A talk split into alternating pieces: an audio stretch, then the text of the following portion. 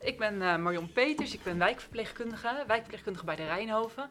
En uh, mijn werkgebied is de Meren en met name de Zonnewijzer. Ik ben Anouk, ik ben ook wijkverpleegkundige. Wijken waar ik werk zijn Vleut en de Meer. Even wijkverpleging, hè? dat is waar, waar deze week over gaat, of deze podcast over gaat.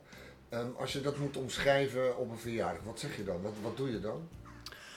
Um, onze functie is vooral het initiëren van de zorg. Dus bij de mensen langs en uh, een soort nou ja, zo'n huiskamer of keukentafelgesprek.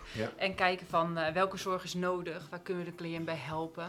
En ook om te kijken van waar kunnen we niet alleen ons inzetten, maar ook andere partijen inzetten. Waar kan de familie helpen? Waar kan je bijvoorbeeld een dementieconsulent of een ergo of een uh, fysiotherapeut. Eigenlijk om te zorgen dat iemand zo lang mogelijk, zo veilig mogelijk thuis kan blijven wonen. Ja, ja, dus dat betekent dat je iedere dag bezig bent met het het, maken van een analyse, een indicatie, of, of moet ik dat anders zien? Um, ja, eigenlijk elke dag wel, maar niet elke dag bij dezelfde cliënt.